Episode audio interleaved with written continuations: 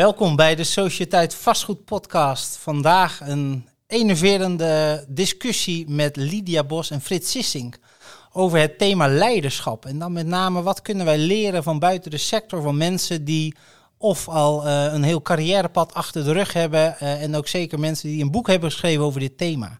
Lydia, welkom. Dank. Ik, uh, ik zou graag met jou willen beginnen. Ja. we kennen elkaar al heel wat jaartjes uit de zorgsector. Uh, maar uh, ja, jij bent directeur-bestuurder van zelfstandig ondernemers. En uh, ook auteur van echt wel een bestseller, zou ik mogen zeggen. Echte leiders gezocht. Ja. Um, ja, misschien toch even centraal. Wat, wat, wat drijft jou om, om op dit thema in te zoomen als het gaat om leiderschap en, en ook zeker bijvoorbeeld zelforganiserende organisaties? Nou, wat ik zie is dat een organisatie heel erg gebaat is bij leiderschap wat afgestemd is op de ontwikkeling waar de organisatie zich in bevindt. En dat het meer is dan alleen kijken naar de leiderschapskwaliteiten, wat een leider aan eigenschappen heeft, maar dat dat vooral ook aan moet sluiten bij wat er nodig is op de werkvloer. En om in deze tijd wendbaar te kunnen zijn als organisatie, is er een vorm van dynamiek nodig die zelforganisatie met zich mee zou, kunnen brengen, maar wat ook een andere dynamiek zou kunnen zijn, waarop je je leiderschap goed moet afstemmen op wat er nodig is op de werkvloer. En wat ik al aangaf, jij hebt uh, zelf een rijk uh, ondernemerschap uh, qua achtergrond. Ja. Hoe ben je er eigenlijk toe gekomen om dat om te zetten naar een boek? Nou, ik heb ooit uh, een, een, uh, een studie gevolgd, een MBA gedaan, een aantal jaar geleden. En mijn afstudeerthema was leiderschap. En dat heb ik gekoppeld aan zelforganisatie, waar ik tot dan toe heel erg veel mee bezig ben geweest. Bij Mental Beter, mijn vorige werkgever, heb ik een organisatie van 500 medewerkers zelforganiserend gemaakt. En heb ik daar gezien wat het doet als het leiderschap daar niet goed op afgestemd is. En als de stijl van leidinggeven niet meegaat met het zelforganiserende karakter van de organisatie. Uh, nou, ik heb die twee dingen aan elkaar gekoppeld en daar een wetenschappelijk onderzoek aan gedaan tijdens mijn uh, afstuderen.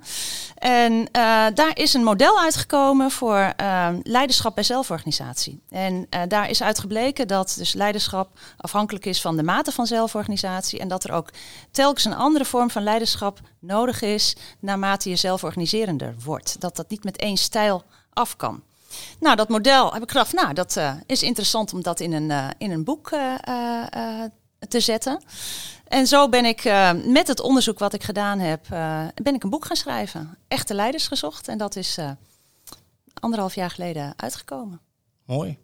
Maak even de brug naar, naar Frits. Ja. Frits Sissing. Ja, denk ik voor vele mensen bekend van tv. Maar van origine een bedrijfskundige. Ja, ik heb uh, bedrijfseconomie gestudeerd in, uh, in Groningen en heb daarna acht jaar lang in uh, de zoetwarenbranche gewerkt als marketeer en sales gedaan.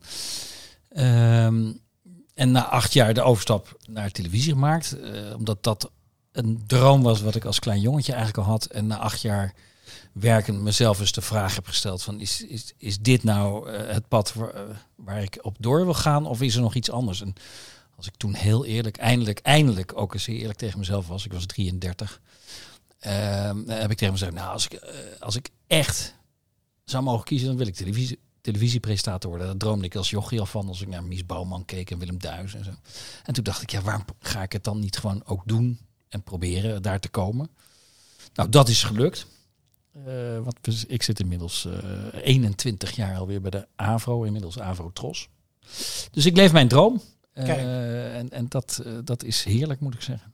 Nou, en dat is ook, hè, ik vind het uh, mooi om jullie beiden aan tafel te hebben. Want we, we zijn denk ik ook zeker vanuit de vastgoedsector benieuwd naar inspiratie. En dan, ja. dan, dan heb ik me inderdaad wat verdiept in jouw carrièrepad. En dan stel je aan de ene kant ook de vraag, is dat nou altijd een rechte lijn geweest zonder enige hobbel? Nou, dat televisiepad is zeker geen rechte lijn zonder, zonder hobbels geweest. Want ja, het is, het is natuurlijk niet zo dat je op een dag wakker wordt en zegt van, oh ja, ik wil graag televisiepresentator worden op de grootste zender van Nederland en uh, primetime televisie maken. En dat morgen is dat gelukt. Dat is natuurlijk een heel, dat is best een lang traject geweest. Uh, ik heb daar zelf vijf jaar voor uit, mezelf vijf jaar gegeven en uh, overigens ook daar met mijn vrouw over gesproken. Van, geef je mij ook die vijf jaar? Want het, het zou kunnen betekenen dat je eh, tijdelijk in salaris achteruit gaat. Dat we misschien onze huis zouden moeten verkopen. Ik heb een, zeg maar een worst case scenario geformuleerd. Want ik ga al mijn zekerheden... Toch een bedrijfskundige, hè? Die toch ja, even, ja, eh, nee, ik heb het natuurlijk planmatig aangepakt. Nee, zeker, zeker. Maar je moet, daar, daar moet je wel rekening mee houden als je zo'n stap zet. Dus ik, eh, ik heb gevraagd, nou laten we dat vijf jaar eens te overzien. Dan zou ik nog terug kunnen het bedrijfsleven in. Dan ben ik 38. Dus als ik over vijf jaar niet op tv ben, dan, dan is dit project mislukt. Maar dan kan ik hiervoor altijd zeggen, ik heb het geprobeerd. Ehm, en ja, dat, dat, ook daarin, in, kijk, exact na vijf jaar, en dat is ook echt waar, exact na vijf jaar was ik te zien op nationale televisie bij Opsporing Bezocht. Het was nog maar 30 seconden per week, maar uh, ik was in ieder geval in beeld. Maar die vijf jaar zijn natuurlijk wel met vallen en opstaan uh, gegaan. En, en, en een zoektocht naar uh, waar ligt dan mijn, ligt mijn, liggen mijn opties? Ja, want, wat drijft Frits dan? Daar ben ik dan toch wel benieuwd naar, zowel de persoon als professional. Wat, wat voor impact wil jij maken dan eigenlijk? Um, nou, kijk, ik moet eerlijk zeggen dat ik op dat moment misschien niet zo goed uh, daar echt bij stilgestaan heb. Maar het medium heeft mij altijd getriggerd. Het is toch een massamedium. Veel mensen bereiken. Uh, en ik denk dat mijn doelstelling toch was, in, en wist ik nog niet exact in welke vorm, maar dat ik mensen uh, wilde vermaken en een, een, een, prettige avond wilde geven, een, een, informatieve avond. Uiteindelijk is dat in die loop van die twintig jaar uitgekristalliseerd, is dat ik graag cultuur uh, over de bühne wil brengen. En die drempels wil verlagen in de hoop dat mensen met welke cultuurvorm dan ook in aanraking gaan komen en dat gaan ontdekken. En dat is met kunst en kitsch de, muse uh, kunst, musea. Dat is met maestro natuurlijk klassieke muziek. Dat is met op zoek naar theater en musicalwereld. Maar zo, zo, scherp had ik dat beeld in het begin natuurlijk niet. Maar ja. dat is nu wel mijn grote drijfveer. Kijk, het interessante van deze podcast is, is dus ook om die crossovers te maken. Ja. Hè? Hoe kunnen wij, wat kunnen wij letterlijk leren vanuit de vastgoedsector? Uh, van mensen zoals Frits. Hè? Ik denk dat het mm -hmm. aardig is om daar straks op, op door te bomen. Ja. Maar ook eens even, uh, zeker vanuit een organisatorisch perspectief, te kijken naar ja. wat ook de wereld die in transitie zit, vraagt van organisaties. En dan toch eens even benieuwd, uh, Lydia, vanuit een meer beschouwend perspectief. Hè? Wat, wat gebeurt daar in, eigenlijk in de, in de buitenwereld waar mm -hmm. organisaties op moeten anticiperen? Wat, hè, dan komt ook het woord wendbaarheid naar boven. Uh, wat, wat, wat zijn jouw beelden daarbij? Nou, ik denk dat je in deze tijd kom je niet meer weg met een originele, uh, ik zou bijna zeggen, ouderwetse hiërarchische structuur. Maar heb je het nodig om wendbaar te kunnen inspelen op een snel veranderende omgeving? En zowel intern als extern. Als je kijkt naar de interne omgeving, staat er nu een heel andere generatie op de werkvloer dan een aantal jaar geleden. In ieder geval dat ik begon met mijn uh, carrière. Maar ook extern, er verandert razendsnel heel veel waar je wendbaar op wilt kunnen inspelen. Dus ik zeg dan, probeer iedere werknemer ook te gebruiken als sensor voor die veranderingen. En probeer hen ook een stem te geven en het mandaat te geven om daar zelf besluiten in te kunnen nemen. -hmm. Nou ja, dat vergt dus een organisatieontwikkeling die dus ook een persoonlijke ontwikkeling vergt. En daarvan heb ik gezien, ik heb de afgelopen jaren vooral op de organisatieontwikkeling gezeten. En um, uh, heb lezingen gegeven, heb een boek geschreven over uh, hoe breng je een organisatie in deze tijd een stap verder. En blijven niet meer hangen bij de theorie van Mintzburg, maar gaan we een stap verder met agile werken, met lean werken, met zelforganiserend werken. Maar hoe je het ook wil noemen, in ieder geval een wendbare organisatie creëren waar de dynamiek in thuis hoort en waar je snel kunt inspelen op een veranderende omgeving. Maar dat heeft ook impact op hoe de werknemers zich daartoe verhouden. En dat heeft een persoonlijke ontwikkeling nodig. En mijn boek gaat over leiderschap, maar niet alleen voor leiders, maar eigenlijk leiderschap in iedereen. Dat iedereen zelf ook de verantwoordelijkheid neemt over zijn of haar leven eigenlijk bijna, maar in ieder geval over de beslissingen die genomen kunnen worden. Maar ook hoe leuk je het werk hebt, dat heb je ook zelf in de hand. Nou, en daarop kwam ik met, in aanraking met het uh, verhaal van, uh, van, van Frits. Toen ik dat voor het eerst hoorde, dacht ik, ja, maar dat is eigenlijk precies het missende puzzelstukje nu. Uh, dat we weer terug moeten naar die. Waar, wat, wat doet het persoonlijk voor je? Uh, en hoe verhoud jij je tot de organisatieontwikkeling? En wat heb jij nodig om daarin mee te ontwikkelen? Uh, uh, om daar nou, op een prettige manier in te kunnen werken, maar ook te kunnen bijdragen aan die verdere ontwikkeling. Dan heb je het over persoonlijke ontwikkeling. En dan heb je het over je eigen verantwoordelijkheid nemen. En zelf openstaan voor nieuwe initiatieven, nieuwe ideeën. Dat is ook de manier waarop we elkaar hebben leren kennen. Je staat open voor uh, nieuwe ideeën en uh, zegt niet meteen nee op het moment dat er iemand vraagt om je te interviewen voor een boek. ja, zo hebben we elkaar leren kennen. Ja, dat was een goed begin. Maar dan toch even terug, want dan ben ik wel uh, getriggerd uh, door wat je zegt, Lydia. Van, wa waarom is dat dan zo moeilijk voor organisaties om wendbaar te zijn?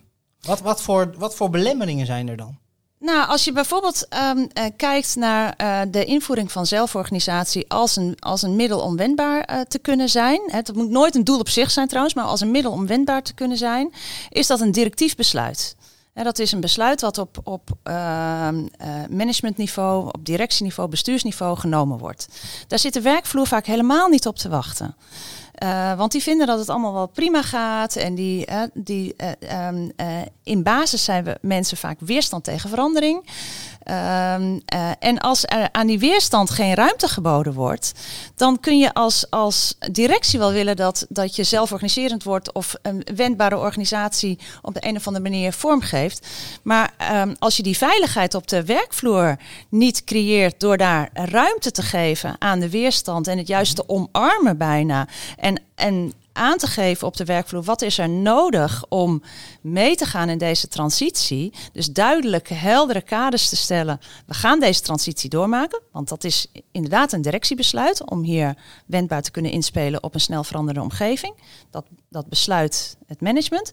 Maar daarna moet je vooral luisteren naar de werkvloer. Nou, wat is er dan nodig om daar te komen? Je moet er wel voor zorgen dat je niet iemand uit het leger bent die tien stappen vooruit loopt en dat, hè, dat je leger er achteraan komt, maar net te laat is. Ja. Hè, dus, dus je hebt die mensen heel hard nodig om ze mee te nemen in jouw transitieverhaal. Ik hoor jou heel duidelijk het woord veiligheid gebruiken. Ja. Ik heb uh, jouw boek ook mogen lezen. Dan, dan zie, zie, ik daar dat mooie schema, waar letterlijk de kern van jouw schema ja. Uh, toch wel veiligheid en ook vertrouwen, meen ja. ik, uh, is. Waar, waarom is dat zo'n fundamenteel punt? En eigenlijk misschien ook wel de fundering letterlijk voor ja, een, een succesvolle organisatie en ook professional daarbinnen in jouw ogen?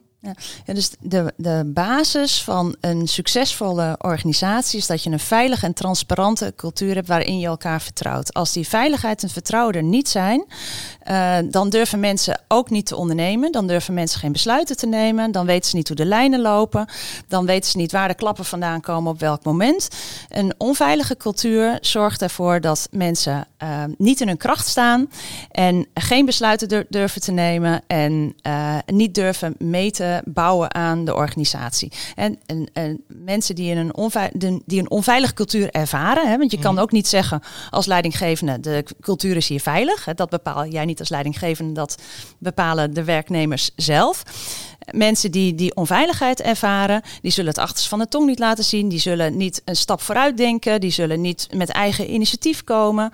En die wachten af totdat er orders worden uitgedeeld. En die wachten af wat er moet gebeuren. En dan zegt de leidinggevende, ja, maar ik heb toch gezegd dat jullie erover gaan. En ja, hè, op het moment dat je dus als werknemer dan niet durft aan te geven waarom je ergens uh, niet iets over durft te vinden of te zeggen, dan heb je dus een, een cultuur die niet transparant is. Ja.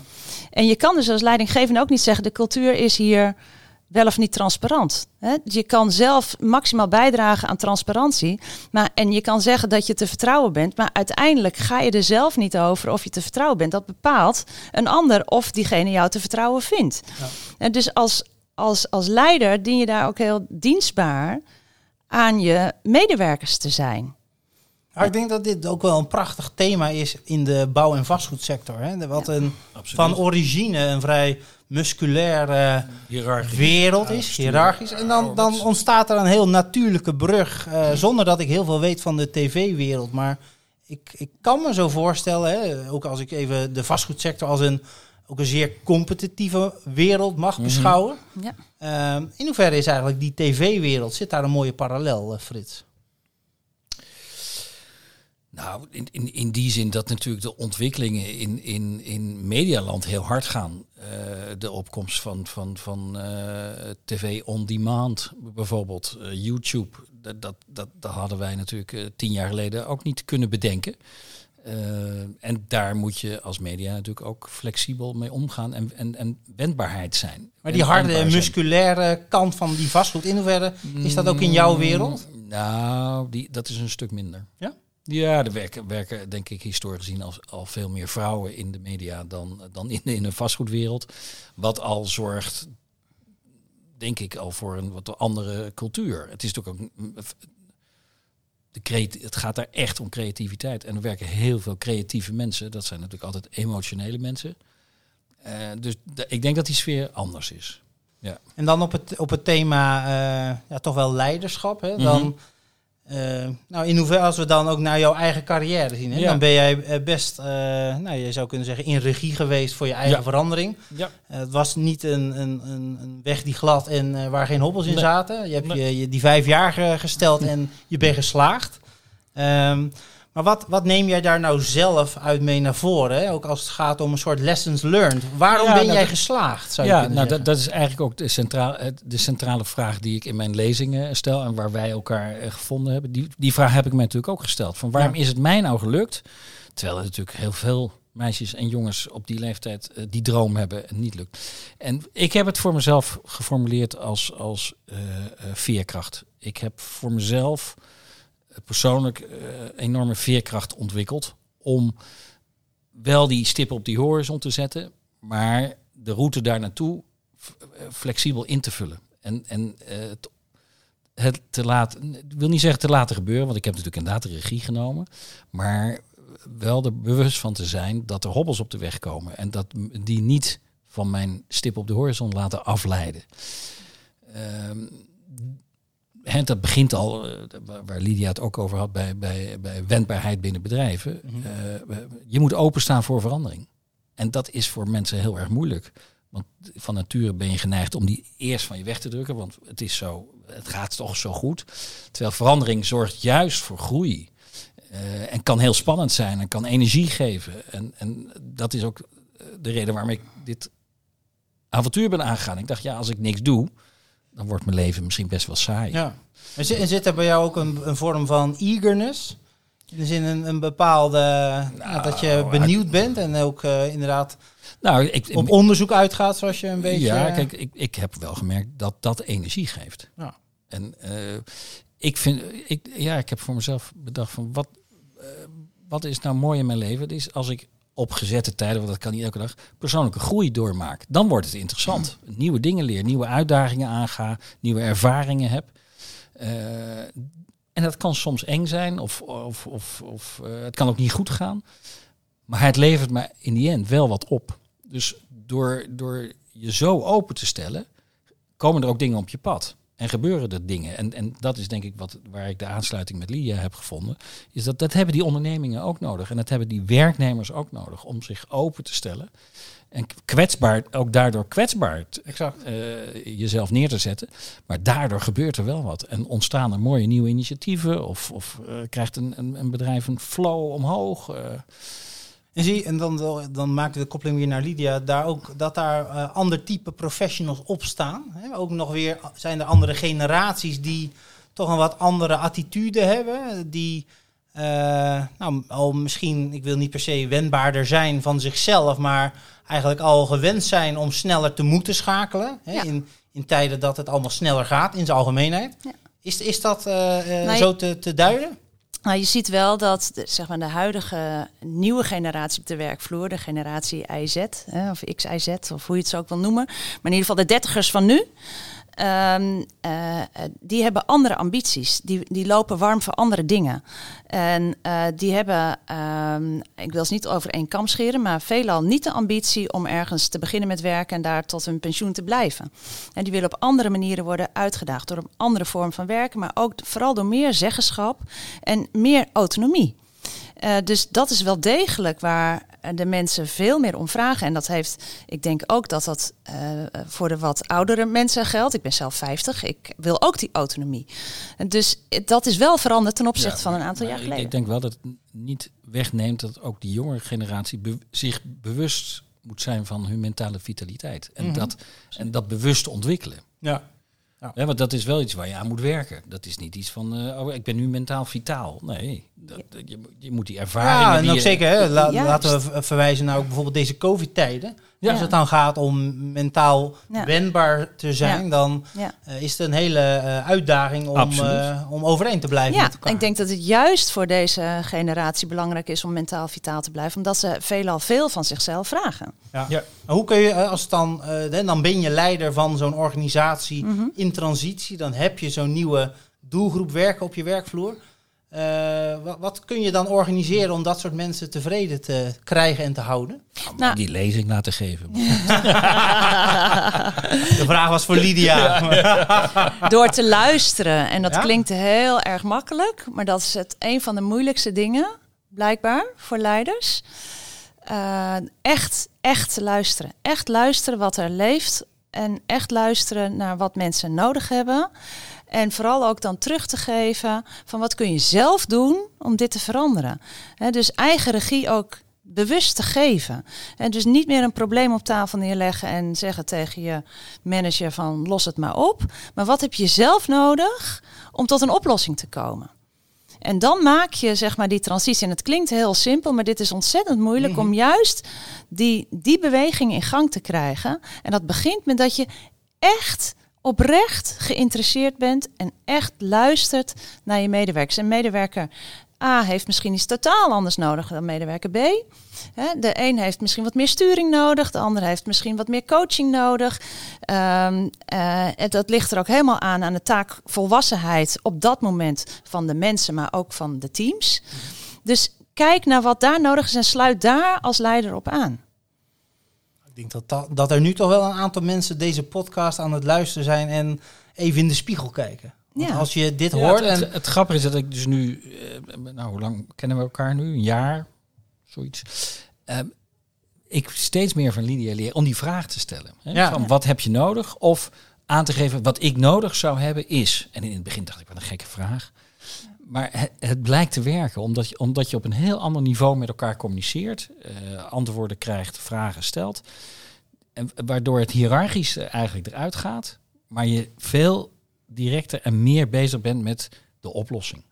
In plaats van dat je iets directief eh, naar beneden gooit. ja. En, en, en merkt dat je zelf daardoor in ontwikkeling komt. En dat is mooi. Ja, en dus waardoor je niet meer iets directief naar beneden gooit, maar waardoor je ook niet slachtofferig iets op tafel legt van je manager van los het maar voor mij op. Ja. Ja. Dus het werkt eigenlijk twee kanten op.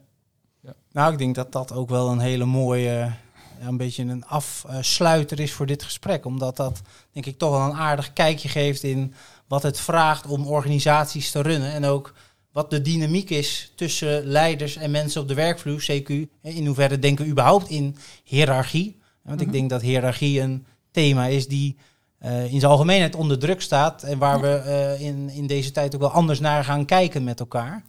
Ehm, en ik, ja, ik, ik zie dit ook wel een beetje als een aftrap. Hè? Want als ik kijk vanuit Sociëteit Vastgoed, merken wij gewoon een enorme behoefte eh, bij onze leden. Om eh, af en toe in intervisieachtige settings of inderdaad is wat, te, eh, wat coaching te krijgen, letterlijk op dit soort vraagstukken. Ja. Dus ik, ik zie dit eigenlijk als het begin van een, überhaupt een reeks. Maar ook iets moois wat we binnen de sociëteit kunnen uitrollen. Dus ik Absoluut. zou jullie van harte willen danken voor dit eh, mooie gesprek. Graag gedaan. Ja. En eh wordt vervolgd.